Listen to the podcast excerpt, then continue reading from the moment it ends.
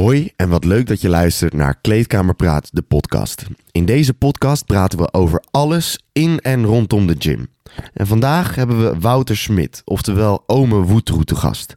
Ben je nou nieuw op dit kanaal? Vergeet ons dan niet even te volgen op Spotify.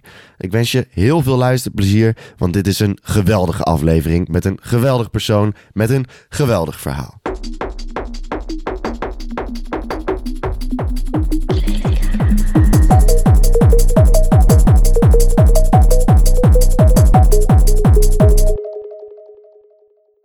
Nou jongens, we hebben van, vandaag hebben we te, te gast een, een persoon. Het, nou, je zou het haast wel een mythe kunnen noemen. Door deze, door deze persoon noemt iedereen in zijn, die een Wo- Wouter in zijn vriendengroep heeft de Woetroe. Het is namelijk niemand minder dan ome Woetroe. Wouter Smit. Ik ben er al we nou, ik weet, voor mij anderhalf week geleden of zo kwam je ermee aangekomen. Ik ben laaiend enthousiast al dagen. Ja, ik dacht, ik, eh, ik stuur een eh, berichtje en eh, tot onze verbazing werd er gereageerd. We hebben een man voor ons zitten die eh, binnen de sportwereld eh, erg actief is. Ik heb prestaties van hem voorbij zien komen dat ik dacht van, jongen, jongen, waar slaat dit allemaal op? Ja, heeft ook een boek geschreven, kapot sterk. Ik, eh, ben, ik heb ontzettend veel zin in deze uitzending. Wouter, ik zou zeggen, als er nog iets is ontbroken aan, aan onze voorstelronde, eh, voeg het toe. Maar eh, wat leuk dat je er bent. En dankjewel voor de uitnodiging ook, hè? Ja, Dat zeker. ook zeker. Maar dat- ja, wat je, want wat je nu zegt is ehm, dat je een beetje versteld van stond van dat ik reageerde. Maar voor mij is het heel erg normaal, in, eigenlijk. Ja, ja, kijk, weet je wat het is? Wij, zijn, eh, wij sturen soms gewoon berichtjes naar mensen die we interessant vinden. En eh, wat ik net ook tegen je zei voor de uitzending, wij zijn gewoon begonnen met eh, twee microfoontjes. En als je vroeger jou voorbij ziet komen op je, op je YouTube, op je telefoon, en nu kan ik je interviewen, dan denk ik, ja, dit is waarvoor ik dit ben gaan doen. En eh, dus heb ik er heel veel zin in. Nou, mooi om te horen. Eh, Ja, absoluut. Dus dat Ja. zijn stapjes de goede richting in. Ja, en, zeker. het komt helemaal goed. Ik heb er veel zin in om in ieder geval jouw verhaal te vertellen aan de luisteraar. Eigenlijk wil ik gewoon beginnen bij het begin. Eh, je was eh, jong en eh, je dacht, hey, sport, dat is misschien wat voor mij. Hoe ben je daarin gedoken? Ja, sport dat begon eigenlijk bij mij toen ik eh, vrij jong was. Althans, wat is eh, vrij jong? Kijk, ik ben ooit begonnen met eh, judo en met tennis. En vervolgens was basketbal was mijn grootste interesse. En daar merkte ik wel heel erg van dat ik binnen de sport meer mezelf kon zijn dan in het dagelijks leven. Daar was ik altijd wel een beetje een, een ja, heel erg weinig zelfverzekerdheid had ik. Ik was een beetje ja, men, mensenschuw, was vaak een beetje een jongetje die ja, het liefst achter in de groep stond en eh, niet, te veel op, niet te veel opviel. Ehm, alleen binnen, binnen, de, binnen de sportkaders, daar was het voor mij toch wel echt een plek waar ik mezelf meer kon laten zien. Omdat ik me daar echt gewoon eh, ja, vrij voelde. En ik voelde me daar heel erg op mijn gemak, doordat ik gewoon kon laten zien waar ik echt goed in was. En, en, en sport groeide daarin wel eh, in een hele belangrijke rol in mijn leven eigenlijk. En dat eh, werd eigenlijk alleen maar versterkt toen ik op een gegeven moment begon met eh, fitness. Dat was toen ik eh, een jaar naar Amerika ging.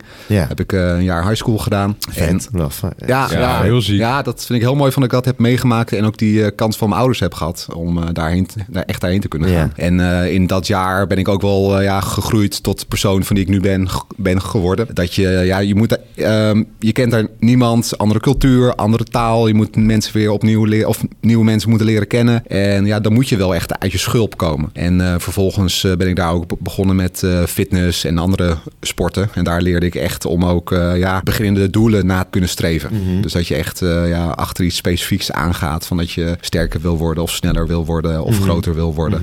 En ehm, ja, dat heb ik eh, zo doorgetrokken vanuit eh, Amerika tot, eh, tot nu. En dat is eigenlijk alleen maar doorontwikkeld. Ja, in Amerika basketbal had ik een beetje... Ja, dat had ik ja. geprobeerd om in het basketbalteam te komen. Ik heb basketbalde hier in Nederland al een jaartje of ehm, ja, acht en negen jaar. Mhm.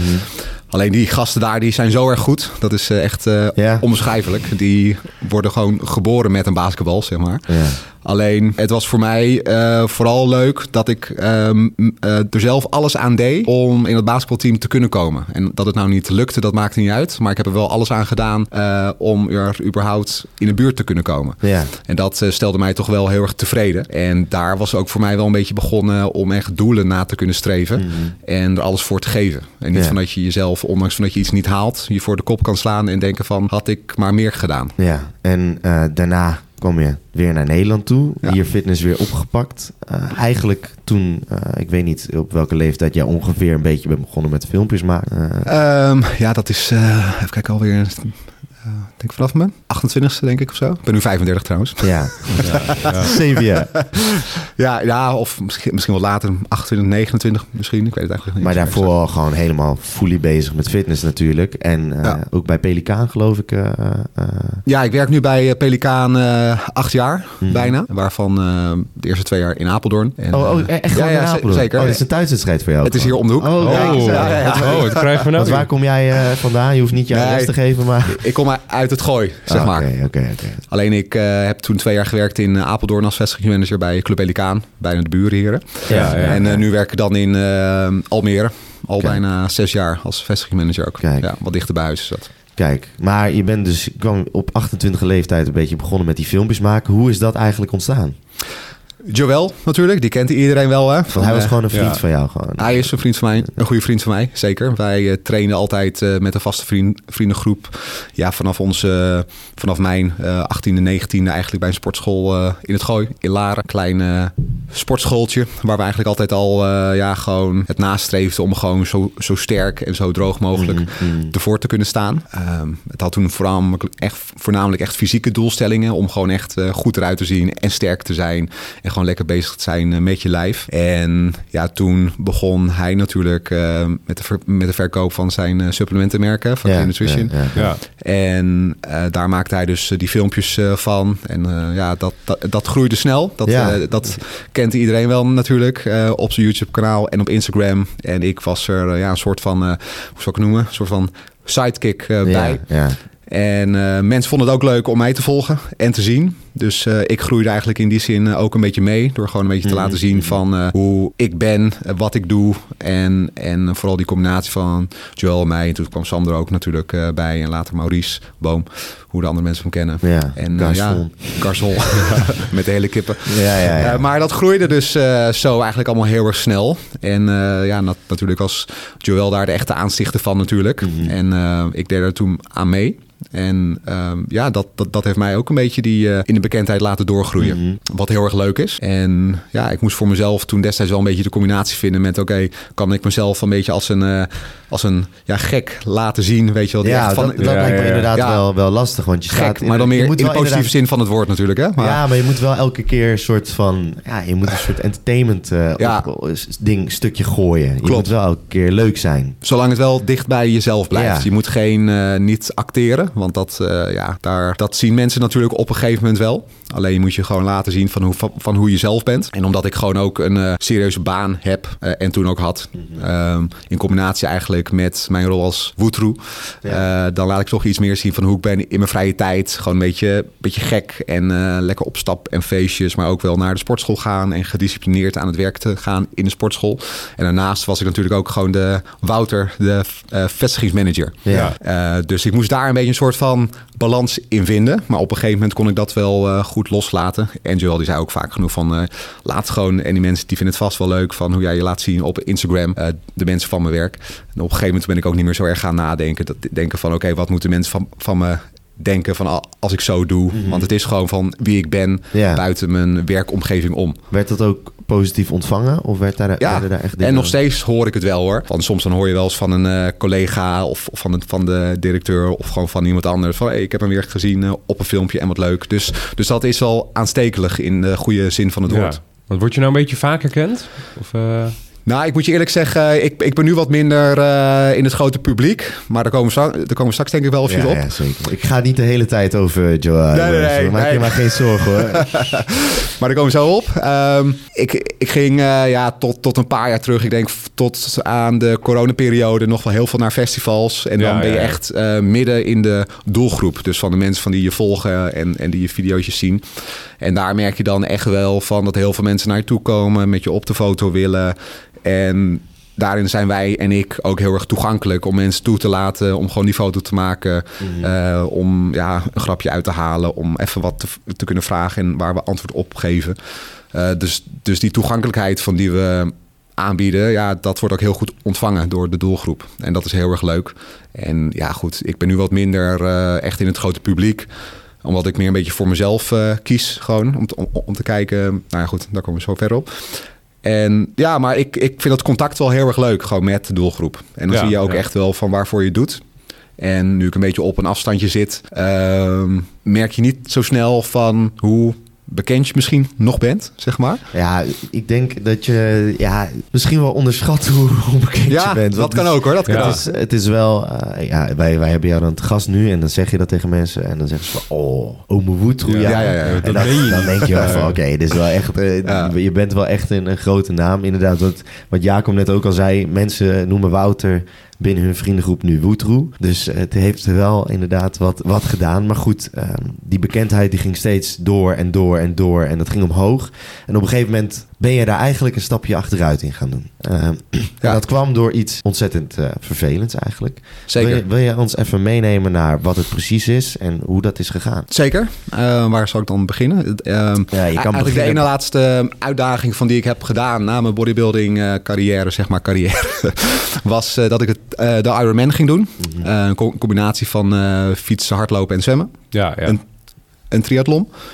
En eh, in die voorbereiding eh, kwam ik er eigenlijk bij mezelf achter van dat ik eh, ja, wel krachtverlies merkte. En stabiliteit ging achteruit in mijn onderbenen met name. Dus ik had op sommige momenten, vooral bij de voorbereiding op het hardlopen, dat mijn snelheid gewoon niet sneller meer werd. En ik merkte echt van na een kilometertje of vijf van dat ik mijn benen gewoon niet meer voelde.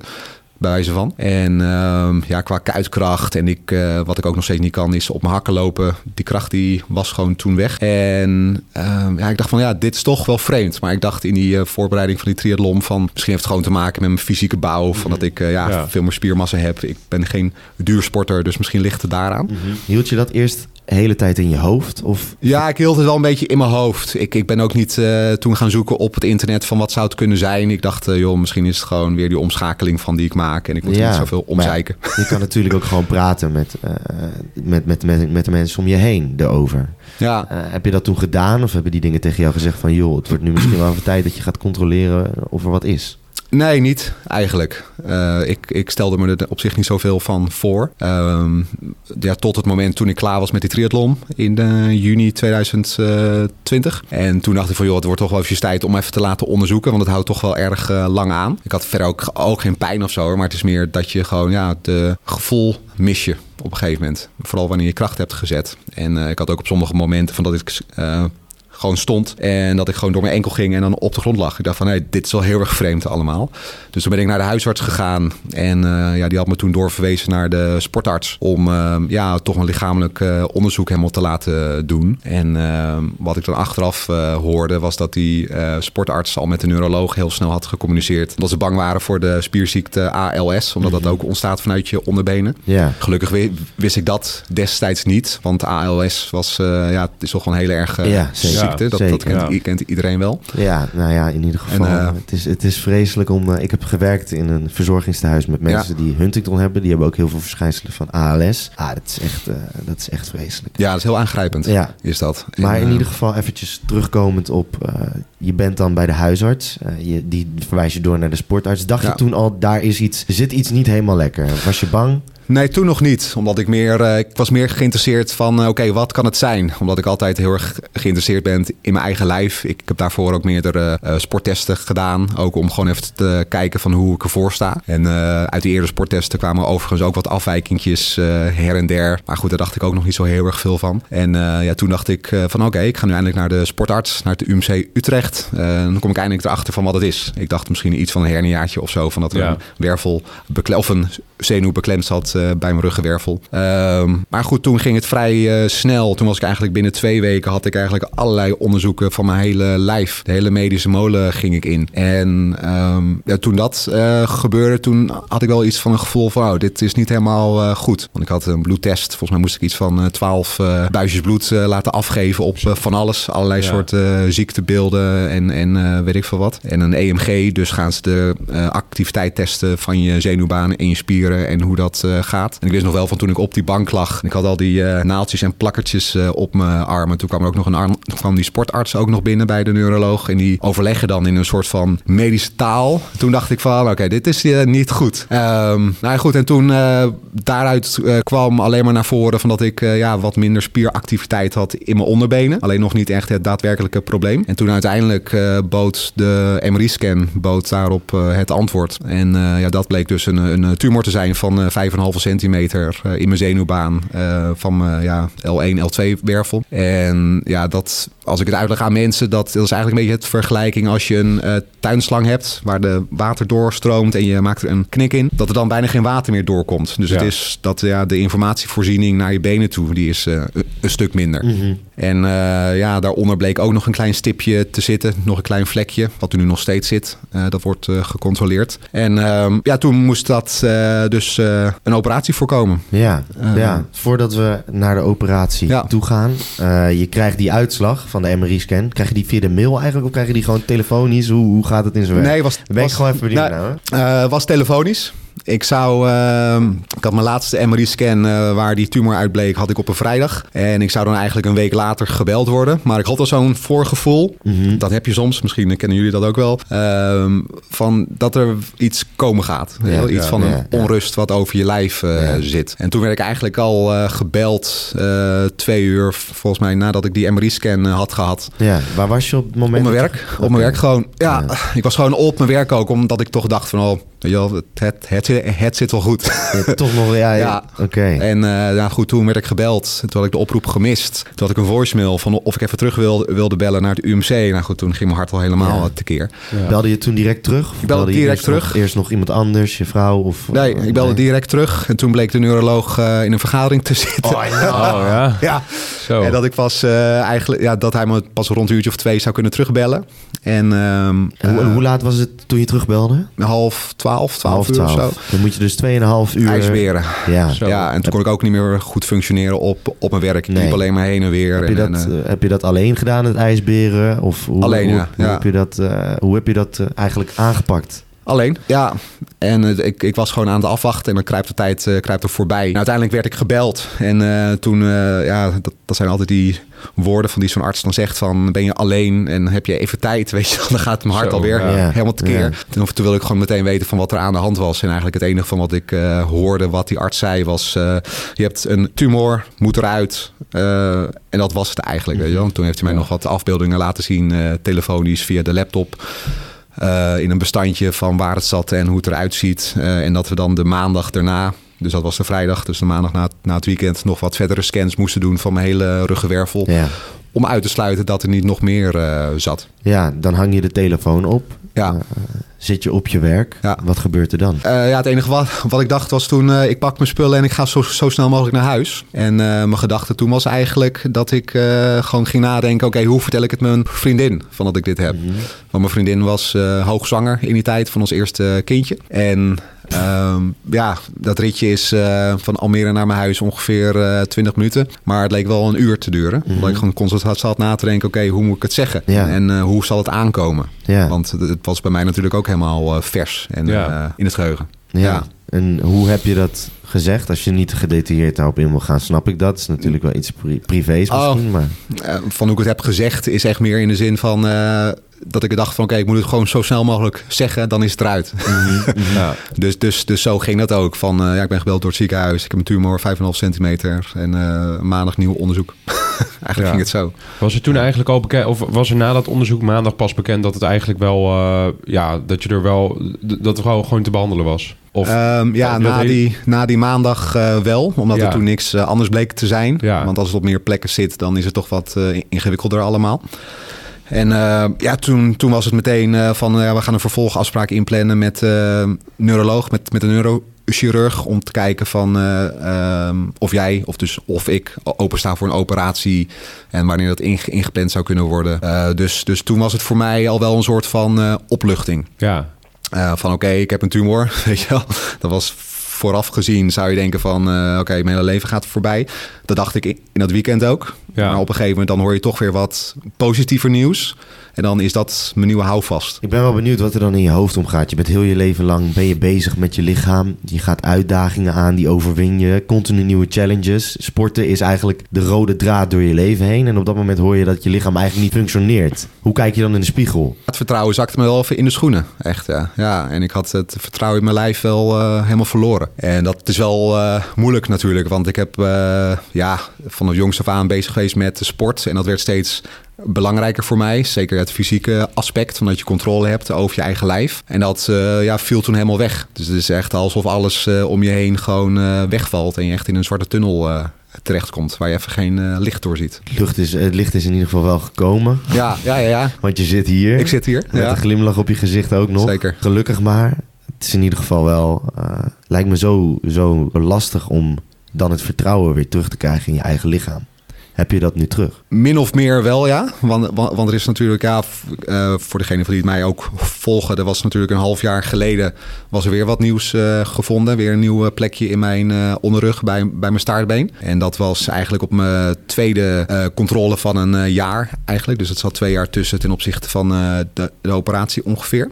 En ehm, ja, toen ik voelde me ook weer helemaal goed gewoon. Dus ik ging met alle vertrouwen ook weer naar die nieuwe controlescan eh, toe. Ik dacht van, nou goed, ik heb nog dat ene stipje er zitten. Dat doet verder niet zoveel. Dus eh, ja, dan kunnen we weer verder gaan met het leven. Ik had ook als beloning voor mezelf eh, een kaartje voor Tomorrowland gekocht. Weet je, gaat toch wat dingetjes inplannen om voor jezelf naartoe te kunnen leven Ja. omdat het moment van een controle altijd, altijd wel eventjes spannend is. Ehm, alleen toen bleek dus van dat er wel weer een nieuw stipje was gevonden bij mijn staartbeen. En dan zou ik over een half jaar, dus dat was twee weken terug ongeveer, zou ik weer een extra controle hebben om te kijken van hoe zich dat eh, ontwikkelt. Alleen toen ik weer hoorde van dat er wat nieuws zat, toen dacht ik wel weer van eh, fuck man, het is zit alweer wat. Maar hoe kan dat nou? En toen eh, zei die neurochirurg ja, in principe van dat ik er aanleg voor heb. Dus ja, Oké. Wauw.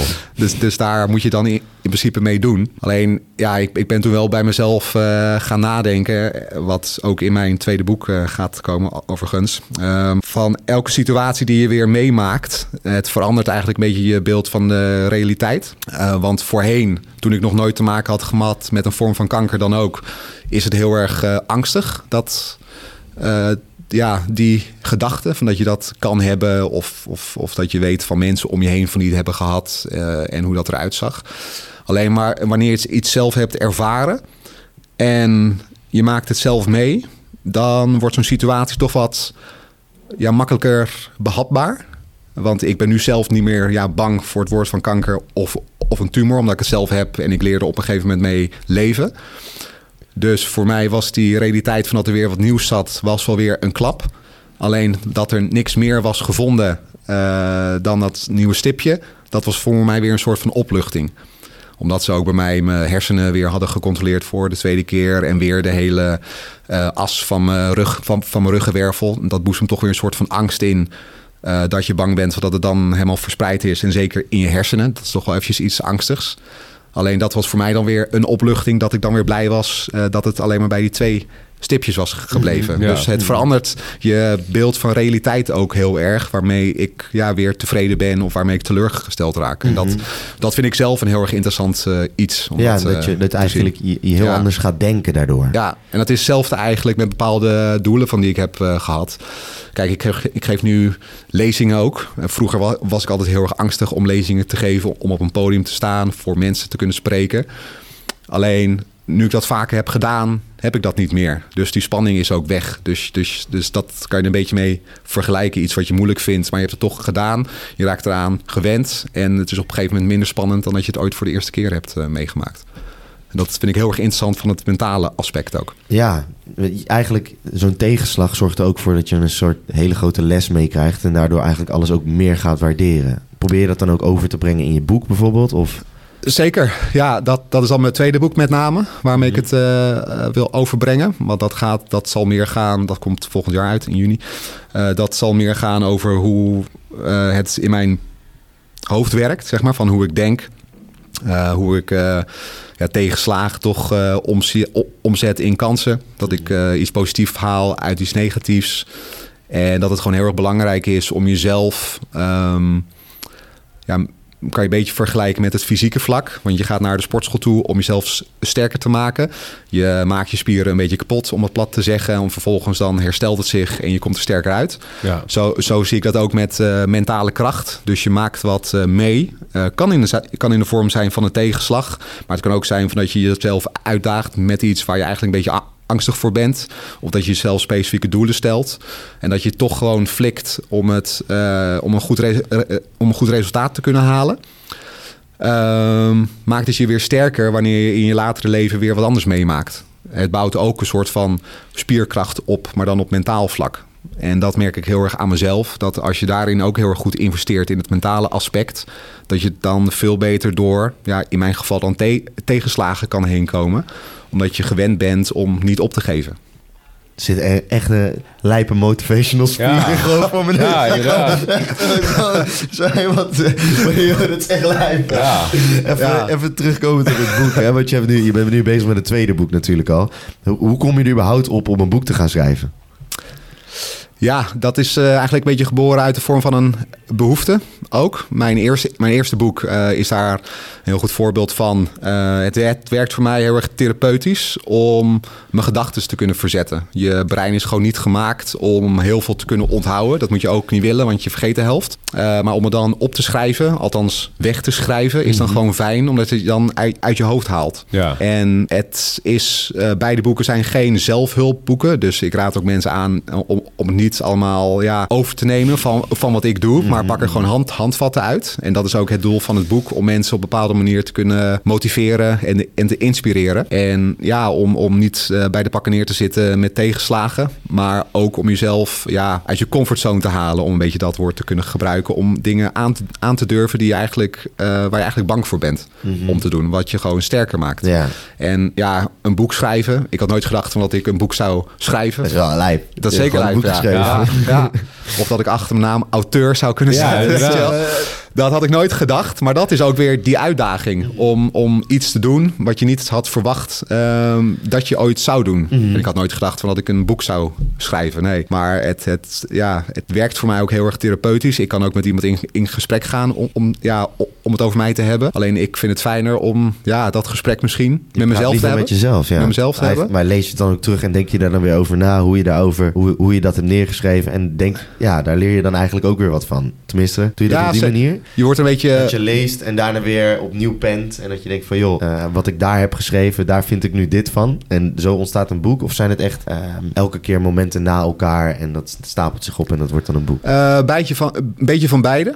Ehm, voornamelijk wanneer ik eh, train, dan heb ik mijn telefoontje wel mee. Maar dan gebruik ik eigenlijk alleen maar mijn notitie-appje. En daar schrijf ik dan mijn... Beste app op de hele telefoon. App, ja. Ik weet het, Ja, ik zeker. weet het. Het is echt het allerbeste. ik heb er zoveel opgeschreven al in de notities. Ja, nou ja, en dan ken je het wel. Ehm, maar daar schrijf ik dan gewoon mijn steekwoorden op of een zinnetje. En dan denk ik van, hé, hey, zo denk ik inderdaad. Want veel doe ik eh, in mijn onderbewustzijn. Dus dat je het eigenlijk niet echt doorhebt van wat je doet, weet je wel. Hetzelfde van dat je de trap oploopt, daar denk je ook niet echt meer bij na. En met sommige ja, mentale handelingen van die ik doe, daar denk ik ook niet meer bij na. Omdat het zo ehm, ingebrand is in je, in je hoofd. Zeg maar, van dat je zo werkt en, en zo denkt. Dat je ja, dat opschrijven dan heel erg helpt. Dan denk je van, oh ja, dat, dat zit zo en dat zit zo. En ik was eerst een beetje bang van dat dit boek misschien niet zo dik zou worden. Maar nu merk ik van dat het wel misschien wel meer pagina's wordt dan, dan mijn eerste boek. Omdat Ja. ik toch steeds weer erachter kom van, oh, ik denk zo inderdaad. Oh, en dat werkt zo met elkaar. Maar je bent eerst eigenlijk bezig met schrijven eh, voor jezelf. Om eigenlijk je gevoel te verwerken. eh, je, je gedachten uit je hoofd te zetten. Eh, dan bedenk je ook nog van, joh, ik wil dit aan andere mensen laten lezen. Eh, wat wil je daar eigenlijk mee bereiken? Ik heb altijd als eh, doel, en dat eh, heb ik met mijn lezingen ook, dat eh, stel er zitten ja, 500 mensen in de zaal of 10, dat maakt mij niet uit. Zolang er maar eentje naar huis gaat eh, die denkt van hé, hey, daar kan ik wel wat mee. Of dat is een handvat voor mij om te gebruiken in de periode van mijn leven van waar ik in zit. Of eh, dit is voor mij een signaal om iets te gaan veranderen in mijn leven, van een uitdaging aangaan of een doel. Dus dat is voor mij al geslaagd. Het gaat bij mij niet om van dat ik duizenden boeken moet verkopen. Dat is heel erg leuk. Alleen het gaat met mij er vooral om van dat ik het gevoel heb van dat ik mensen weet te inspireren. Ook al ze maar één tip of advies of dingetje uit het boek halen. Dus dat is in dat opzicht niet heel mega specifiek. Maar waar ik al heel erg gelukkig van word, is dat bijvoorbeeld mensen mij af en toe een DM sturen met dat ze mijn boek hebben gelezen of dat, ze- of dat ze me volgen. En dat ze er kracht uithalen van, van hoe ik omga met be- bepaalde dingen. En dat heeft voor mij veel meer waarde dan dat ik denk van, eh, oh, ik verdien wat aan het boek. Of ik, eh, weet je wel, dat, dat, dat, dat, dat is bij mij niet het gevoel van, daar doe ik het voor. Het is voor mij echt het gevoel van, ja, mijn verhaal, ehm, daar kunnen mensen wat aan hebben. En ehm, ik wil niet zeggen van dat ik heel erg spiritueel ben aangelegd. Ik sta er wel een beetje open voor. Maar soms denk ik wel eens van, oké, ik maak wat shit mee. Misschien heeft het wel een reden van dat ik iets,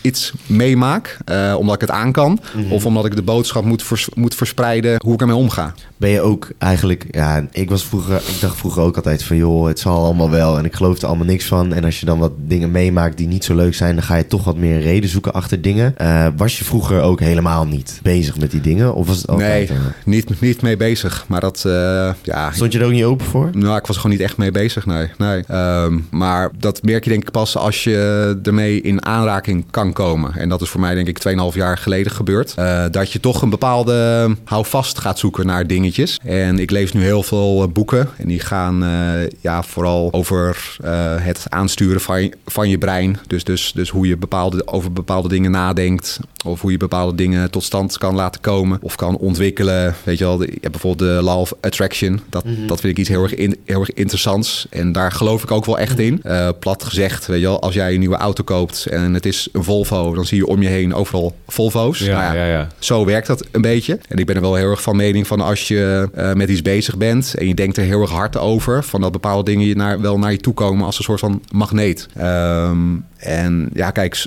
nu zit ik hier in, ja, in deze podcast. En daarom zit hij hier. Ja, inderdaad. Nu zit ja. ik hier. En ja, ik heb de laatste twee maanden best veel uitnodigingen gehad voor podcasten. En ik vind het heel erg interessant om mijn verhaal ook op deze manier te, te kunnen delen. En met lezingen ook. Ik, ik geef ze nagenoeg gratis eigenlijk. Uh, veelal op, uh, uit, op uitnodiging van scholen, van hogescholen. Ja, ja. En, maar wat ik denk is, als ik dat veel doe, dan kom ik vanzelf wel in aanmerking om een keertje voor een zaal van 500 man te kunnen staan. Dus ja, je begint klein, je denkt klein en op een gegeven moment wordt iets Ja. steeds groter. Ja, ja interessant. Ja.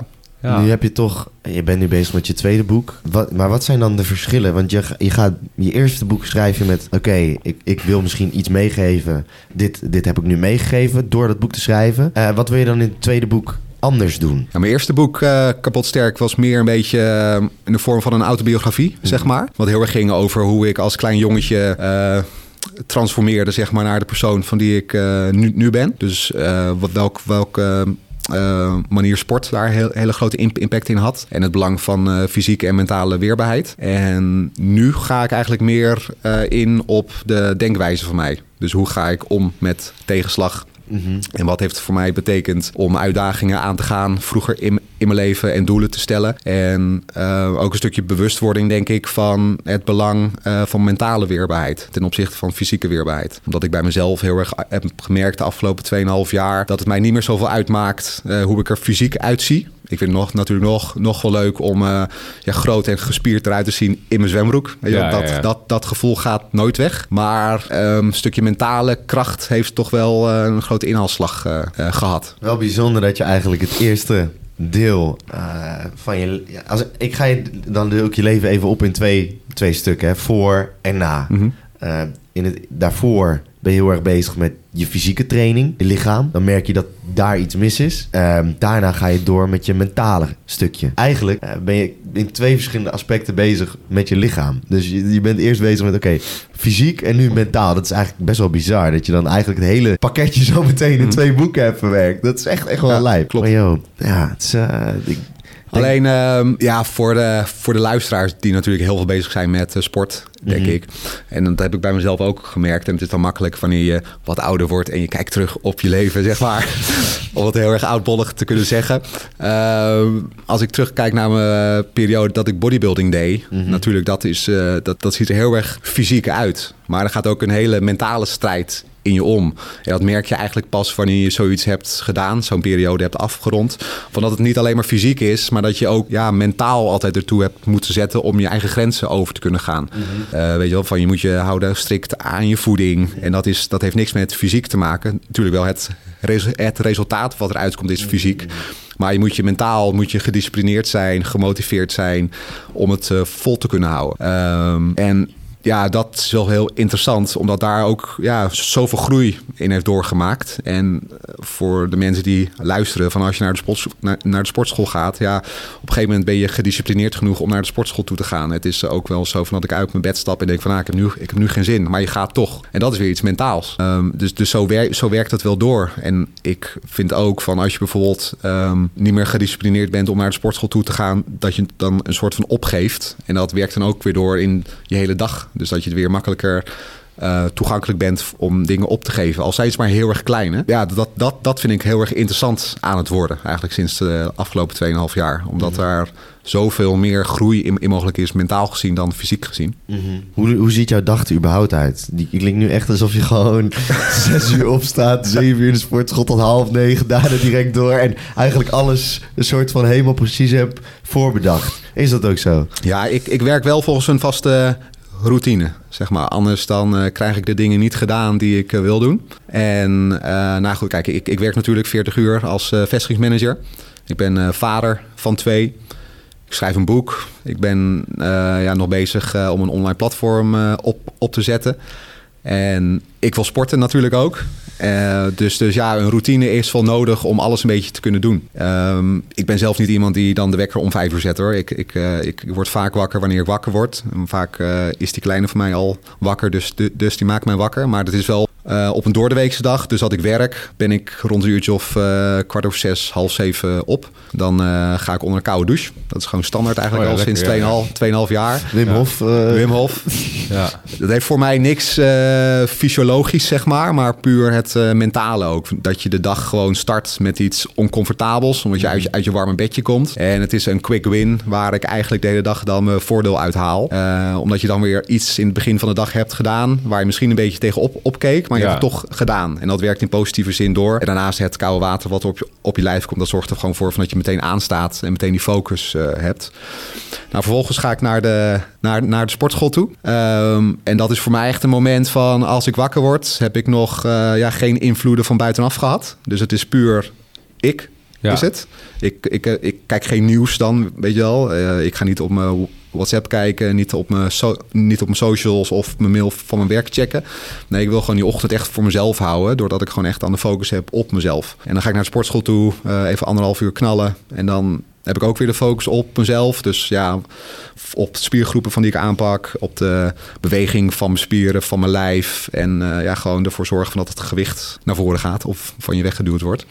En dan ga ik eigenlijk naar, naar mijn werk toe. Eh, dan sta ik eigenlijk, open voor iedereen eh, op de werkvloer en alle leden en de klanten. En als ik naar huis ga, dan is het weer eh, ja, tijd voor mijn gezin. En vaak voordat ik naar bed ga, dan lees ik nog ja, tien bladzijden in een boek. En dan sluit ik de dag eigenlijk zo, zo af. Ja. Ja. Ik mag nooit meer zeuren dat ik druk ben, man. Nee, eigenlijk niet. Hè? Nee, nee, dat, dat, dat excuus van geen tijd, Ja, dat, ja, ja. dat gaat er bij mij echt nooit in. Ja. Geen tijd. Kijk, dat je geen tijd hebt, dan betekent het dat, het dat je geen tijd hebt voor dingen die je eigenlijk niet zo belangrijk vindt om te doen. Als je echt iets belangrijk vindt, dan heb je daar tijd voor. Ja. Ik word met mijn neus op de feiten gedrukt. ja, eigenlijk wel, hè? Hoe ziet jouw trainingsroutine er een beetje uit? Want je zei ook dat, eh, dat je lichaam, of nou ja, hoe het eruit ziet dan wat, wat minder eh, boeit dan vroeger, bij wijze van. Hoe eh, doe je ook aan hardlopen dan? eh want aangezien je ook de Ironman hebt gedaan. Wat, wat, wat doe je een beetje in een week? Ja, ik doe eigenlijk van alles. Kijk, het fysieke boeit me natuurlijk nog, nog steeds Ja, wel. Maar ja. ik, snap je, Ja. ik snap je intentie hoor. Wat voor mij heel erg belangrijk is, is dat mijn lichaam gewoon goed functioneert. Ja, En dat ik als het ware een beetje bewijs heb voor mezelf dat alles nog goed functioneert. Dus in mijn training ehm, eh, gaat het mij niet meer zozeer om eh, heel veel kracht. Kijk, vroeger toen deadlift ik wel 250, 260 kilo. Ja, squat was, was eh, 160 max, maar dat zag er niet uit. Ook. Ja, ja, het ging meer om de kracht. En Ja. bij mij gaat het nu meer om de functionaliteit. En ik denk ook niet meer terug van, oh, vroeger kon ik dit. Nee, dat, dat, dat boeit niet. Het, het boeit nu van wat ik nu wel kan. Dus je stelt eh, nieuwe grenzen aan jezelf, eigenlijk nieuwe verwachtingen. Eh, geen valse verwachtingen, want dat demotiveert natuurlijk weer heel erg. Ehm, en ja, ik doe nu wat oefeningen ook om sprongkracht te kunnen testen. Van boxjumps doe ik nu vaak al mijn schenen opengehaald, maar elke keer toch weer doen eh, om over dat plateau zeg maar heen te kunnen komen. ja. Om toch weer dat bewijs aan jezelf te kunnen leveren van dat het eh, goed functioneert. Hardlopen doe ik erbij. Ehm, ja, dan heb je de airbike, roeien. Eigenlijk al dat soort dingetjes vind ik interessant om te doen. Maar dan wel ook wel met de uitdaging van oké, ik wil elke keer wat langer vol kunnen houden. Of wat harder kunnen rennen. Ja. Of roeien. Dus dat ik altijd wel een, een soort van quick win er, erin heb. Om dat goede gevoel eh, te laten ontstaan. ja. Ja, en vervolgens dan eh, doe ik wat eh buikspieroefeningen. Of gewoon voor mijn core gewoon, gewoon te versterken. Omdat die onderrug toch nog wel wat eh, zwakker blijft. ja. Er zitten ook zes schroeven in nu, dus, dus je moet het dan een beetje functioneel Zo, houden. Ja, ja. Ehm, en daarnaast, of daarna, dan begint mijn kracht gewoon eigenlijk van wat ik normaal gesproken al jaren doe. Eh, gebaseerd op mijn spiergroep. Ja, Maar eh, ja, wel op de functionaliteit. Maar wel natuurlijk steeds sterker willen worden.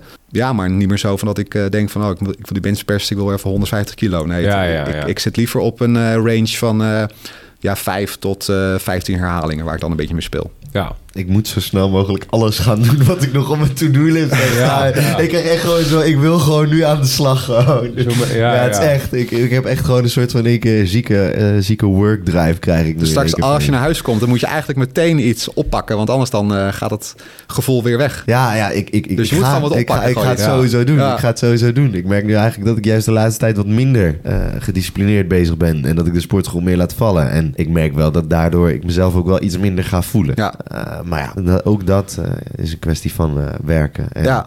uitdagingen. Nou ja, van wat je zegt, kijk, als de afstand eh, groter wordt, eh, van dat je al vijf dagen niet naar de sportschool bent geweest, bij, bijvoorbeeld, dan wordt het gewoon moeilijker voor iemand om weer naar de sportschool toe te gaan. Ja. Je kan beter gewoon steeds eventjes een beetje gaan. Dan heb je alsnog steeds dat gevoel. Eh, met, een, met een relatie ook, toch? Hè? Als je vriendin niet vaak genoeg ziet, dan denk je ook van, weet je wat, die relatie, dat boeit, dat boeit me verder niet. Ja, ja, je moet er wel een beetje energie in kunnen steken. ja, ja, ja. Ehm, en, en dat ligt al bij die kleine dingen. Ik, ik geef mezelf altijd als voorbeeld. Ik ben zo iemand, eh, als hij thuis komt, dan eh, gooi ik mijn schoenen uit met de veters nog gestrikt. Maar ik probeer mezelf nu zeg maar aan te leren om mijn veters gewoon los, gewoon, gewoon, Ja, ja. gewoon los te maken. Ja. Zo, zodat ik de volgende dag of de volgende moment niet het gevoel heb van... oh, fuck, ik moet eerst weer die schoenen pakken, die veters weer losmaken. Kijk, Ja. het, zit hem, in- het zit hem in die kleine dingetjes. Hè? zit op een punt waar ik gewoon... als ik daar ooit kom, dan ben ik helemaal tevreden, jongen. Het Maar is het- echt gewoon... Ik zit elke dag nog te, te strijden tegen mezelf van... Gideon, als je uit je bed komt, eerst je bed opmaken. Altijd. Het zijn die kleine, het zijn die kleine dingen. Maar als, als je dat al lukt, dan kan je zeg maar weer doorgaan naar een volgend niveau. Ja, maar ik weet niet maar als het je niet lukt, nou ja, bij, bij dat. Dus bij het eerste moment dat jij je ogen opent, als daar iets is ehm, van iets wat beter kan. Dus mensen die snoezen, dus stop daarmee, weet je wel. Dat is al iets kleins van wat je niet per se hoeft te doen. Maar dan ga je al wel vast over, over iets heen wat je vroeger altijd deed, maar wat je nu verandert. En als het is het bed opmaken, weet je wel, doe, doe dat dan. Ik stap mijn bed uit en ik doe mijn laken even, even goed. Dat, dat is het. Voor mensen die het, moeilijk vinden om naar de sportschool toe, toe te gaan, van pak je tas gewoon in vooraf. Dat is ook, Ja. ook, ook- dat is ook weer wat makkelijker. Oké, ehm, even weer andere kant op. Oké, stel je voor, we zijn over 80 jaar. 80 jaar verder. Woetroe is niet meer.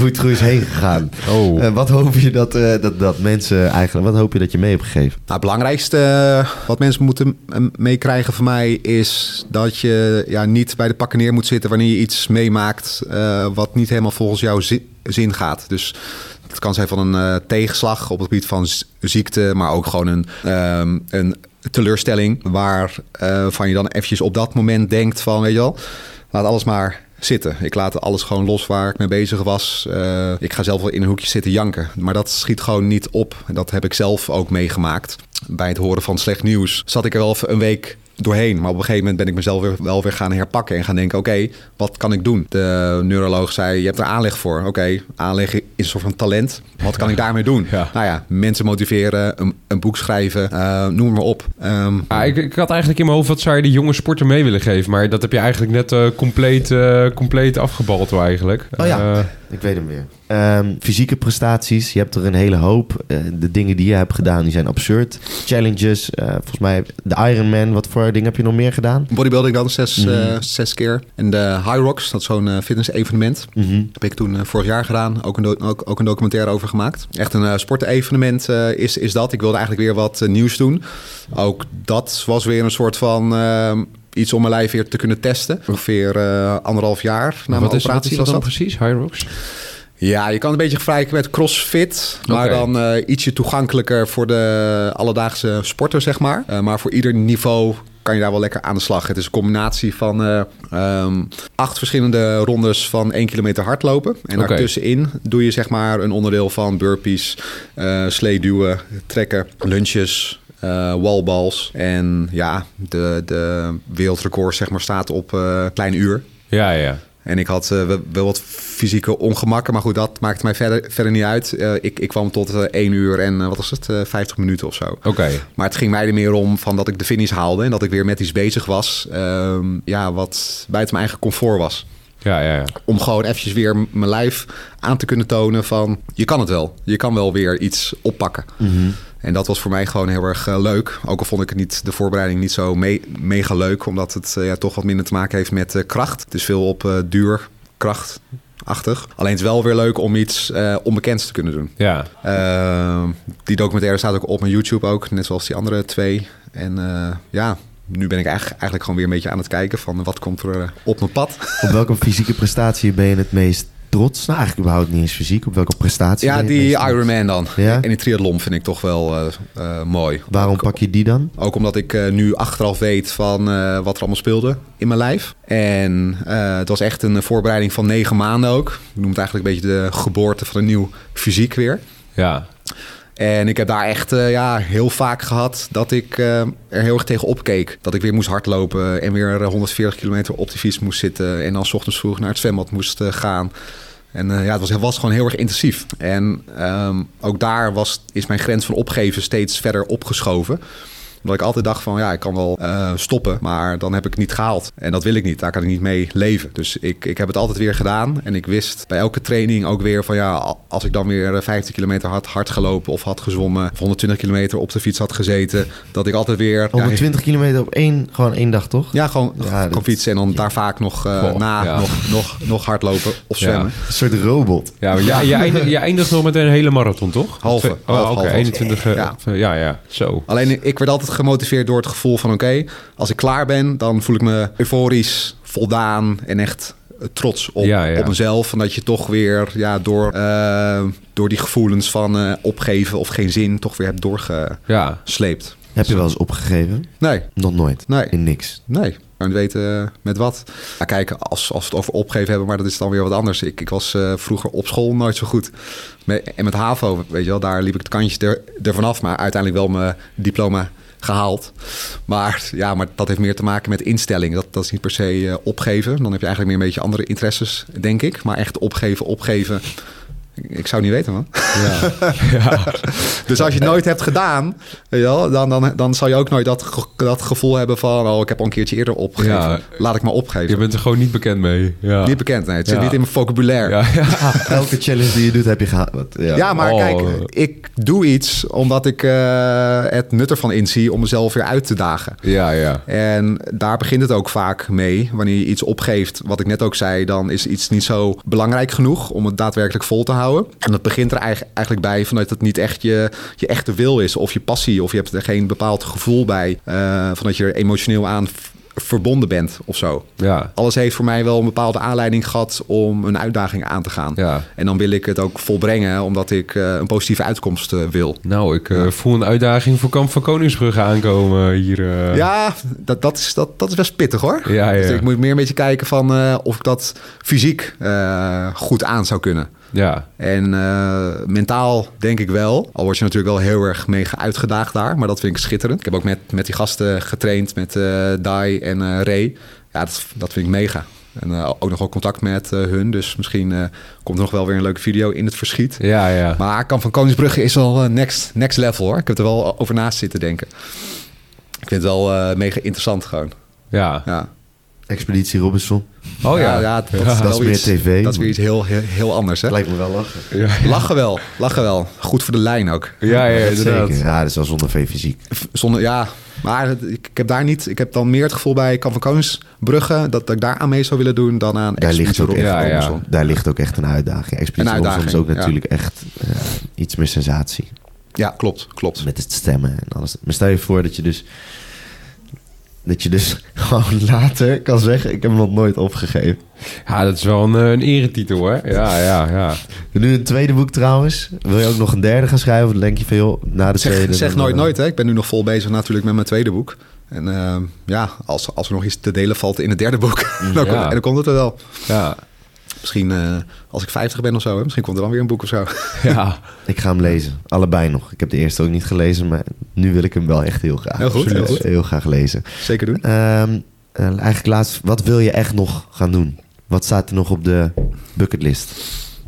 Als uitdaging. Ja, of wat wil je bereiken? Nou ja, eh, weet je wel, ik, ik ben graag weer eh, helemaal schoon, laat ik het zo zeggen. Van dat ik me weer eventjes eh, niet steeds weer, weer hoef te focussen op mijn controles. Want dat eh, heeft toch wel ja, een flinke impact op, op je leven ook. Het geeft toch een soort van onzekerheid uh, met, met, met zich mee steeds. En steeds een moment van waar je naartoe leeft. Maar goed, uh, stel het wordt allemaal uitgehaald van die twee vlekjes van die er zitten. Dan zit ik alsnog voor de komende tien jaar vast aan allerlei controles.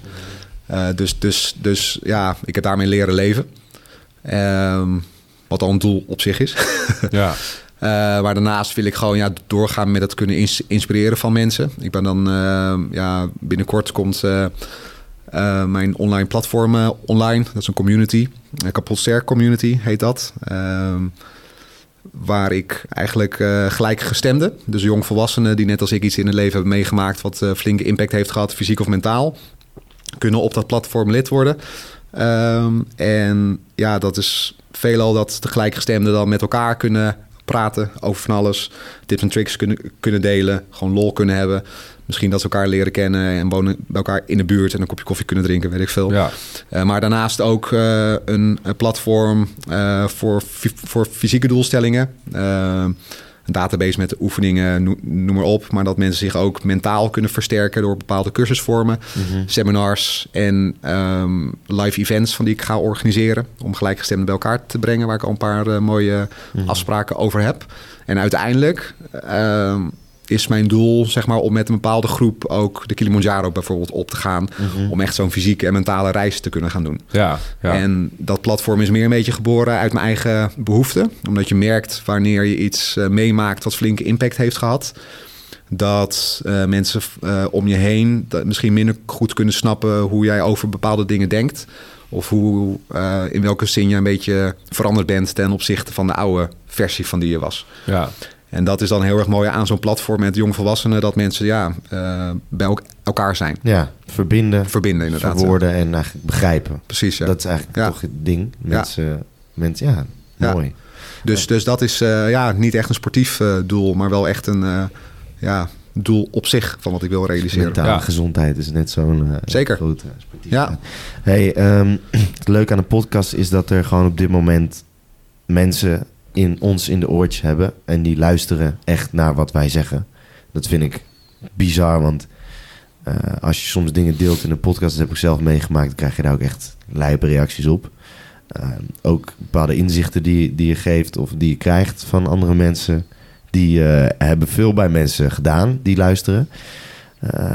daarom, ik weet dat er nu heel veel mensen gewoon ons in de oortjes hebben, die, die, die, die gaan, die zitten in de trein of in de metro of whatever. Die zijn bezig, zijn aan het stofzuigen of zo. Um, wat zou jij nu tegen hun uh, willen zeggen om gewoon eigenlijk gewoon even iets aan ze mee te geven?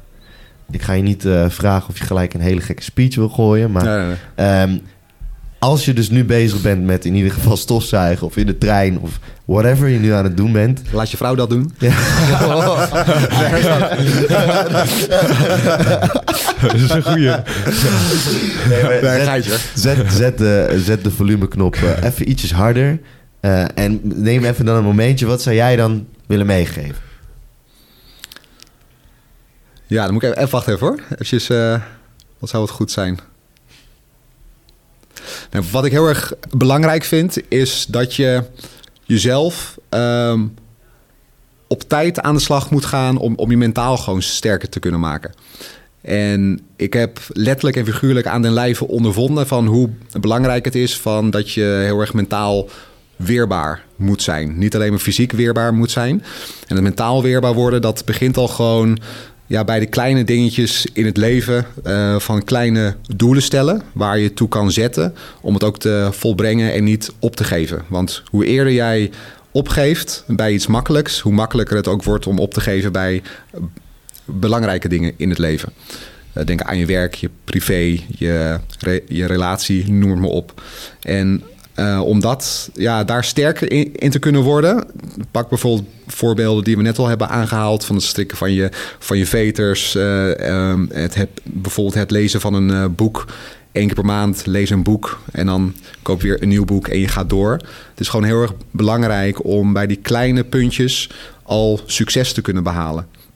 En dat werkt gewoon door in je latere leven. En dat merk ik ook heel erg als ik mezelf eh, op jongs af aan er niet had toe kunnen zetten o- o- om te gaan sporten of naar de sportschool steeds maar toe te gaan, eh, mijn school af te maken, eh, mezelf continu weer uit te kunnen dagen, zou ik nooit die sterke persoon kunnen zijn mentaal gezien als dat ik nu ben.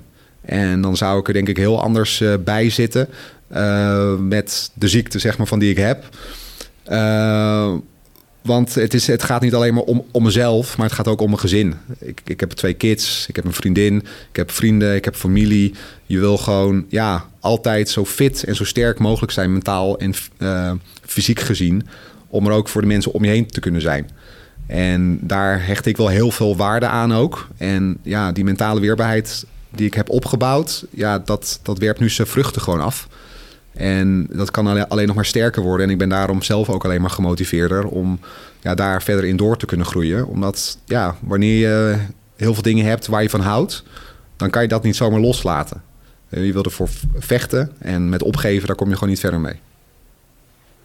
Dat eigenlijk. Chapeau.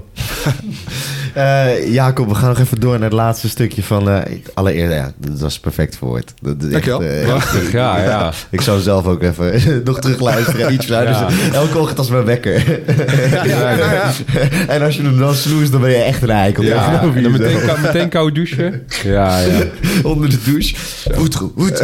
ja, ja. Jacob, even door naar... In onze podcast doen we altijd een stukje daar... daar eigenlijk altijd met humor. Dan pakken we eigenlijk een, een nummer van de week. Dat heet het grafkelder techno nummer van de week. Dat is even weer totaal wat anders. Maar dat bereidt eh, Jacob altijd voor. Eh, Jacob, spit it out, man. Nou, het is, dat ik vind het überhaupt geweldig dat je deze voor moet gaan gooien, man. Ik ben heel nieuwsgierig dan, hè? Dit is echt Het komt heerlijk. uit mijn, mijn, mijn passie voor techno. Ja, ja, ja. En eh, het nummer is weer van een voor ons niet geheel onbekende DJ genaamd Koslov. Ken je ook wel, Botje? En het, heet, het nummer heet iets van Afraid. Het is, echt... Nou, eh, als je dit nummer hoort... Want ik heb hem net in de auto hier naartoe heb ik hem ook weer opgezet. Ja, neem ons even mee. Wat, wat gebeurt er Nee, ik neem jullie mee in mijn reis. Je bent een, eh nou, een voetroe. Jij bent, eh, je leeft in het jaar 834 in het hu- tegenwoordige wijk bij Duurstede. Destijds heette dat Doorstad. En eh, in de verte over de rivier zie je vikingschepen aankomen.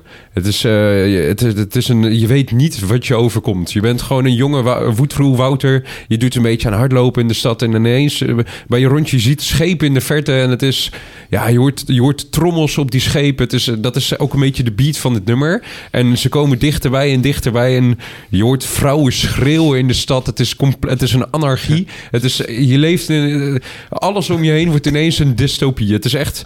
eh, je hoort eh, schreeuwen, schreeuwen, klanken. En uiteindelijk die vikingschepen komen dichterbij. En je hoort, je hoort de mannen, hoor je, hoor je eh, het, land, het land opkomen. Ja, en dat... dat, dat eh, die complete angst en terreur, wat je op dat moment voelt, dat is wat dit nummer in mij oproept. Ja, Mega. ja. Oh. Jacob, dit is echt zo'n mooi moment. Geen dank, jongen, geen dank. Ja, ja. Oh, heb jij ook eh, muziek waar je, waar je naar luistert in de gym? Ja, de ene keer wel. De andere keer luister ik geen muziek. Eh, maar waar ik veelal naar luister, is geen techno dan. Dat daar was meer van op de technofestivals gewoon. Ja, ja. Dat ik gewoon top vind. Het is meer een beetje, eh, ja, gewoon oldschool hip-hop. Oké. R&B, rap. Ja, weet je, of vroeger van Eminem, maar ook wat uh, Tupac of 50 Cent. Of echt die eh Easy E. Ja. Oh, dat is wel Cruising down the kenmerkend. street. En maar Ja, ja, ik- precies dat. het valt me gewoon op dat alle gestoorde gekken luisteren gewoon een beetje Amerikaanse hiphop. Vind ik heerlijk. Ja. Maar dan wel eh, een be- beetje uit de jaren 80 en 90. Ja, ja. En niet eh, de hip-hop van, eh, van nu. Eh, nee, daar ben ik wel echt fan van. Oh, Oké. lekker. Zit er nog één nummer En tussen? rock ook, rock. Oh, ja, ja, lekker. Zit er nog één nummer tussen waarvan je denkt van... joh, luister joh, als je deze nou opzet... op het moment dat je wakker wordt... en je snoest die wekker niet... en je maakt je bed op... en je zorgt ervoor dat je de avond ervoor je veters... uit, je, uit de strik hebt gehaald... je gaat onder de koude douche staan... Ja, ja. dan ram je die gym in... en dan zet je dit nummer op. Welk nummer zou jij dan aanraden, de luisteraar? Nou ja, wat er nu in me opkomt is eh, Papa Roach met Last Resort. Dat vind ik al, altijd wel lekker. Wat even ramt even die eh, Ja, ja. oren in. Zo. Zo. Oh, Daar hou ik altijd wel van. Nou, dat wordt Oh. routine. ja, inderdaad. Zo. We gaan het even noteren. Eh, Laatste dingetje. Jargonwoordje van de week. Ja, ik Eh, heb... eh, we, veel- we hebben veel defensieluisteraars. eh en bij defensie hoort veel vakjargon. Vraag me niet hoe we eraan zijn begonnen. Maar we zijn er ooit mee begonnen dat Jacob ooit een woordje Ja, bedacht. waar- Ik had het een keer over Shubatten. En toen, eh, nou, toen bleek al vrij snel dat ik gewoon heel veel woorden uit van Defensie heb... waar mensen van denken van, hé, wat, wat is dat joh? Nou, zo, dus we, we hebben er een ru- rubriekje van gemaakt. En ook deze keer weer. En het, het, het jargonwoord van deze week is bintang. Wat, eh bintang. Bintang. Klinkt als iets, als iets eten van Indonesisch eten of zo. eh, nee, bintang. nee, dat is het niet. Nee. Dat is het niet. Nee, nee, maar is dat dan? doe ze goed. Bintang. dan, eh, Iets wat, iets wat aan elkaar verbindt of zo. Nou, nou, nee, eigenlijk niet. Oké, het is Maleis, want eh, hè, het, het verleden van eh, Nederland k- komt daar ook weer in de buurt. En het is eigenlijk als je een medaille hebt, heb je gewoon zo'n grote medaille, maar je hebt ook zo'n kleintje. Wat je ook bij in Amerika is het gewoon als je bij een bepaalde eenheid komt, dan krijg je mega veel eenheid medailles. En die, nou, als je er zoveel hebt, dan, dan krijg je, ja, dan kun je ervoor kiezen om die kleine op te doen. En dat heet dan een bintang. Ja. We zijn weer een woordje Interessant, rijk. hè? ja, ja, We zijn weer een woordje ja. Hey, zijn er nog dingen die jij eh, nog even graag aan de aandacht wil brengen? Nee, niet. Ik denk Nee. dat we alles wel eh, hebben laten passeren zo. Nou, dat hoop ik in ieder Ja. geval. Mag ik jou bedanken voor deze geweldige aflevering? Leuk dat ik hier mocht zijn. Ja, Wat vond je nou, ervan? Leuk. Ja? Ja, ik hou hiervan wel van, van Ja? de podcast. Ik vind dat leuk. Dus ik vind het soms zelfs wel wat leuker dan eh, video's maken, zeg maar. Ja? Weet je wel? Dat, dat het gewoon een beetje uh, ouwe hoer is. Ja, ja, ja. Mocht je nog Ik hulp nodig hebben met het opstarten ervan, eh, laat het ons weten. Dan helpen we je erbij. Is goed? Ja, Yes? Cool. hartstikke bedankt. graag. Graag Yes. gedaan. Dankjewel. Hoes. Ja, geweldig.